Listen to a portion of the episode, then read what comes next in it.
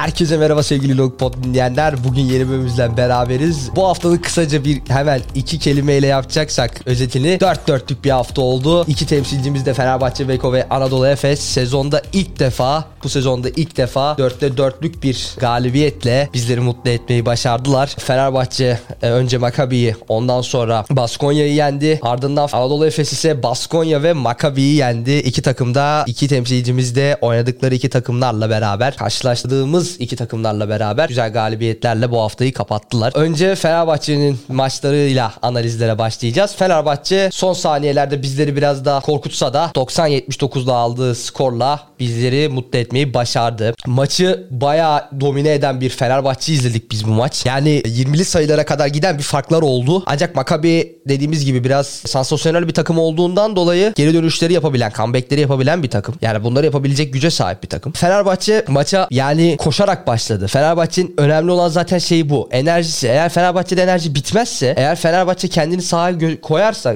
veya enerjisini ortaya koyarsa Fenerbahçe maçı asla kaybetmez. Yani takımda zaten buna uygun oyuncular zaten çok fazla var. Ya örnek bakacaksak Şemuz Azer, Pierre Henry, ondan sonra Akile Polonara bunlar hani özel veya işte ikili oyunlar Pierre Henry ile Devin Booker'ın yani bu ikililerin uyumları, üçlüler, üçlülerin uyumları veya oyuncuların kendi koydukları oyuna koydukları enerji gerçekten bizleri mutlu ediyor. Tabii ki de dediğimiz gibi Koç Djordjevic'in hani oyuncularıyla var olduğunu biliyoruz. Oyuncularıyla beraber bir şeyler yaptığını biliyoruz. Oyuncular kendilerini eğer ortaya koydukları zaman da Fenerbahçe çok rahat bir şekilde maçlarını kazanıyor. Nando'nun bu maç 21 sayısı vardı. 21 sayı 5 asistle maçı tamamladı. Bu ise 22 sayı 1 asist ancak 6 reboundda kaldı. Güzel bir rakam aslında. E, Akile ise 8 sayı 2 rebound 2 asistle oynadı. Gerçekten göz dolduran bir istatistik. Aynı şekilde Pierre Henry 9 sayı 5 reboundla o da maçı bitirdi. Divşan 35 dakika sahada kaldı. 8 sayı ve 5 reboundla maçı tamamladı. Maccabi'de Scotty 14 sayı 3 asist ve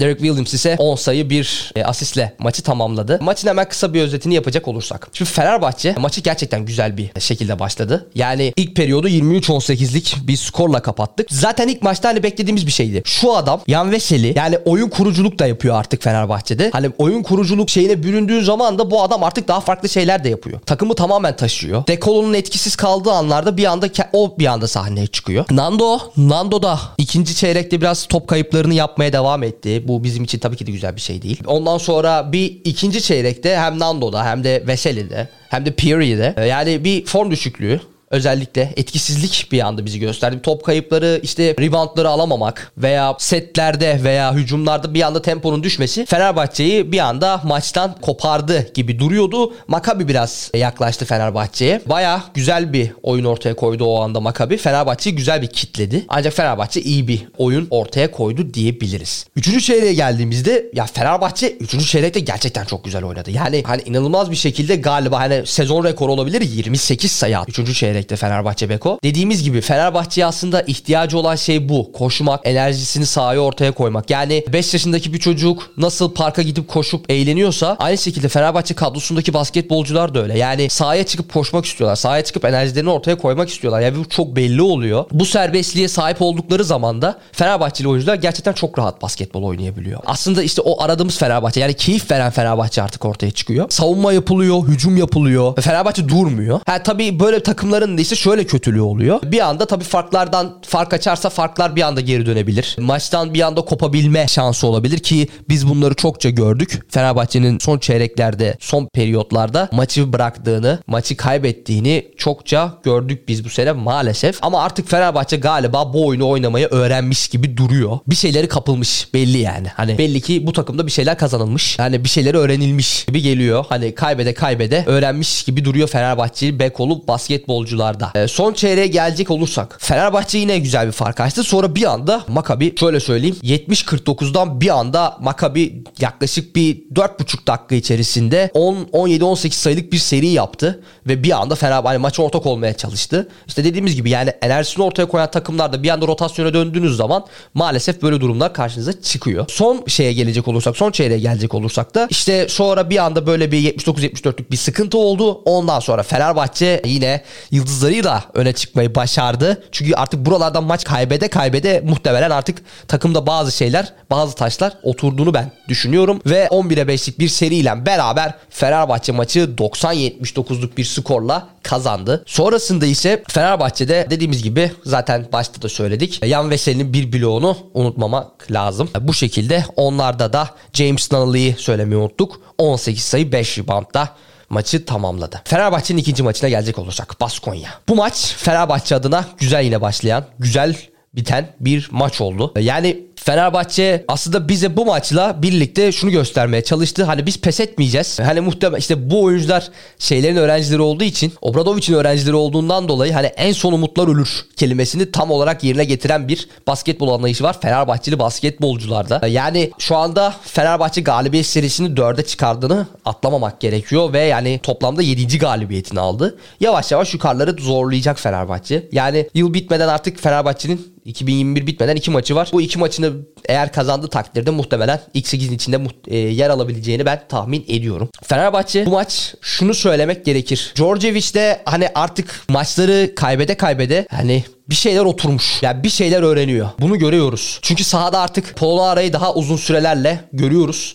Hani bu bizim için gerçekten çok önemli bir detay. Çünkü Polonara'nın sahada uzun vakitler alması, uzun dakikalar sahada kalması Fenerbahçe adına gerçekten iyi şeylerdi. Yani Fenerbahçe'yi iyi şekilde gösterir. Çünkü enerjisi gerçekten bitmek bilmeyen bir basketbolcu. Çok iyi bir basketbolcu. Yani kendini gerçekten ortaya koyabiliyor. Ve hani 15 sayı attı. Hani gerçekten iyi bir tempoya sahip bir basketbolcu. Şu şekilde de söyleyebiliriz. E, yani Yan Veseli maç her şeyini ortaya koydu ki şöyle bir durumda vardı. İlk yarıda, ilk yarının sonlarında Devon Booker'ın bir sakatlığı oldu. Veseli maça tamamen devam etmek zorunda kaldı. Yani yaklaşık 37 dakika Veseli sahada kaldı ki bu onun için gerçekten uzun bir hani süre. Dekolo kendini gösterdi. Yani Fenerbahçe aslında bireysel oynadı. Dekolo kendini gösterdi. Henry maça başlamadan bir anda iki tane üçlük buldu. Hani daha bir anda bir anda başladı. Hani takır takır attı üçlükleri. İşte Guduric muhtemelen baba olmanın da bir vermiş olduğu bir heyecanla beraber maça sonradan dahil oldu. İşte kenardan gelen basketbolcuların desteği, işte Semus geliyor hani bir anda kendini ortaya koyuyor enerjisini ortaya koyuyor. Aynı şekilde Akile de öyle. Enerjisini sahaya ortaya koyuyor. Koşuyor durmuyor yani. Hani atağa giderken bir anda yarı sahaya geçmiş oluyor. Pierre Henry topu alana kadar hani oyunu kurana kadar hani Fenerbahçe setini çizmiş oluyor ki daha Baskonya'da basketbolcular geriye bile dönememişlerdi. Yani maçı izleyenler benim ne demek istediğimi muhtemelen anlayacaklardır. Yani bugün bir de Fenerbahçe'de şöyle bir şey vardı. 12 tane top çalma yaptı Fenerbahçe. Bunun altısını Dekolo yaptı. Dekolo'nun zaten bu kariyer rekoru.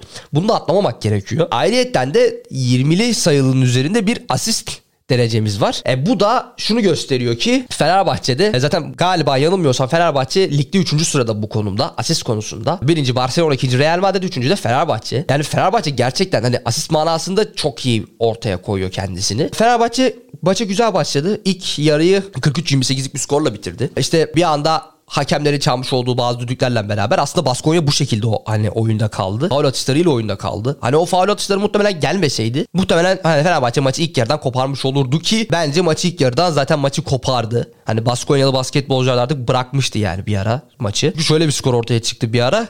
41-26'lık bir skor ortaya çıktı. Zaten maç ilk yarı 43-28'de bitti. Sadece ilk yarıda Guduric'in eksikliğini biraz hissettik. Ya işte ilk yarının sonunda Booker sakatlandı. Veseli devam etti. İşte Polonara devreye girdi. Dekolo kendini ortaya koydu. Ya Fenerbahçe gerçekten çok güzel oynadı. Bayağı güzel bir oyun ortaya koydu. Çok keyif veren bir basketbol oynadı Fenerbahçe. Wade Baldwin'in güzel bir bloğu vardı. Fenerbahçe hani rotasyon yapmadı ki bence bu iyi bir şey. Çünkü Fenerbahçe rotasyonu az yaptığı zaman çok iyi güzel oynuyor ortaya koyuyor Fenerbahçe. Bu maçta Fenerbahçe'de Nando'nun 17 sayısı, Akile'nin 15 ve Selin'in 13 sayısı. Yani güzel bir rakamlara ulaştık Fenerbahçe ile. Ve sadece bu maçta da Fenerbahçe 7 top kaybı yaptı. Ve bu haftalık Fenerbahçe'yi kapatmış oluyoruz. Şimdi Anadolu Efes'e geçeceğiz. Anadolu Efes'te yine e, Baskonya ile güzel bir mücadele yaptı. Ve bu maçı Anadolu Efes 87-72'lik bir skorla kazandı. E, maçın ilk yarısında biraz Baskonya'nın üstünlüğü vardı ama Anadolu Efes geçen senenin şampiyonu Anadolu Efes bir anda vitesi arttırdı. Kendini ortaya koydu ve 43-42'lik bir skorla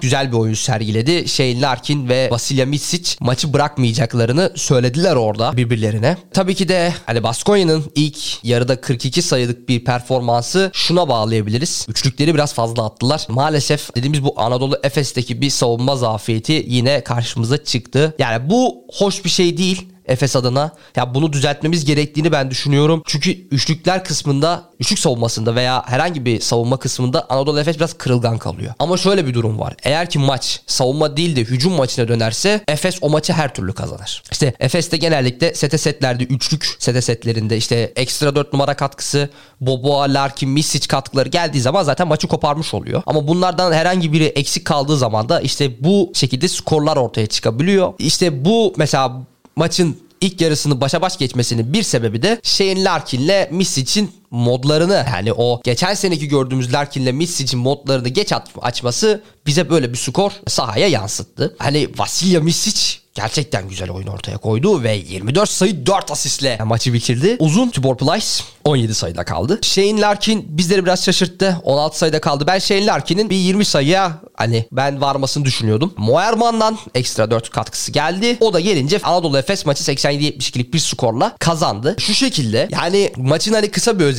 Fontecchio ve Jason Granger 17 sayıda attılar. Ya bunlar üçlük üçlüklerle beraber geldi bu adamlara. Hani Baskonya bu şekilde buldu sayılarını. Hani üçlük katkıları geldi onlara. İşte Efes'in eğer ki savunma zafiyeti üçlük zafiyeti eğer kalkarsa ortadan gerçekten güzel bir oyun ortaya koyabilir ve her maçlarını rahat bir şekilde kazanabileceğini ben düşünüyorum. Şu şekilde şimdi de Anadolu Efes Maccabi maçına geçelim. Efes bu maçı 92-78'lik bir skorla kazandı. Yine İsrail'de Larkin'i delirttiler. Geçen şeye de aynısı olmuştu. Larkin yine delirmişti ve yani Larkin maçı tek başına kazandı diyemeyiz tabii ki de ama bir anda kendini ortaya koydu. 26 sayı 6 reboundla. Dediğimiz gibi eğer Larkin delirtirseniz veya Larkin çileden çıkartırsanız o adam kendinden çıkıyor. Yani çığırından çıkıyor. Hani deliriyor ve bunu yapmamaları lazım karşı takımların. Onu söyleyebilirim. Makabi'nin taraftarı da aslında yine aynı hataya düştü ve yine aynı şekilde yanlışları yaptılar. Şöyle söyleyeyim. Efes ilk yarıda 50 sayı attı bu takım. Yani zaten böyle olursa hani Efes'in maçı kaybetmesi imkansız. Makabi tabii ki de şöyle. Savunma yapamayan bir takım. O da aynı şekilde. Maçlarını kazanırsa eğer hücumdan kazanıyor. Ama Efes'le yarışabilecek bir güce sahip değil Makabi. Yani böyle olduğu zaman da tabii ki de işte yarışamıyorsunuz Efes'le. Maç gitti geldi gitti geldi oldu. Bir anda maçı Makabi açtı. Bir anda maçı Efes açtı. İşte genellikle 10 sayılı skorları gördük. Serileri gördük. Sonrasında Larkin devreye girdi. Larkin devreye devreye girince de Efes maçı bir anda ilk yarıyı 47-50'lik bir skorla kapattı.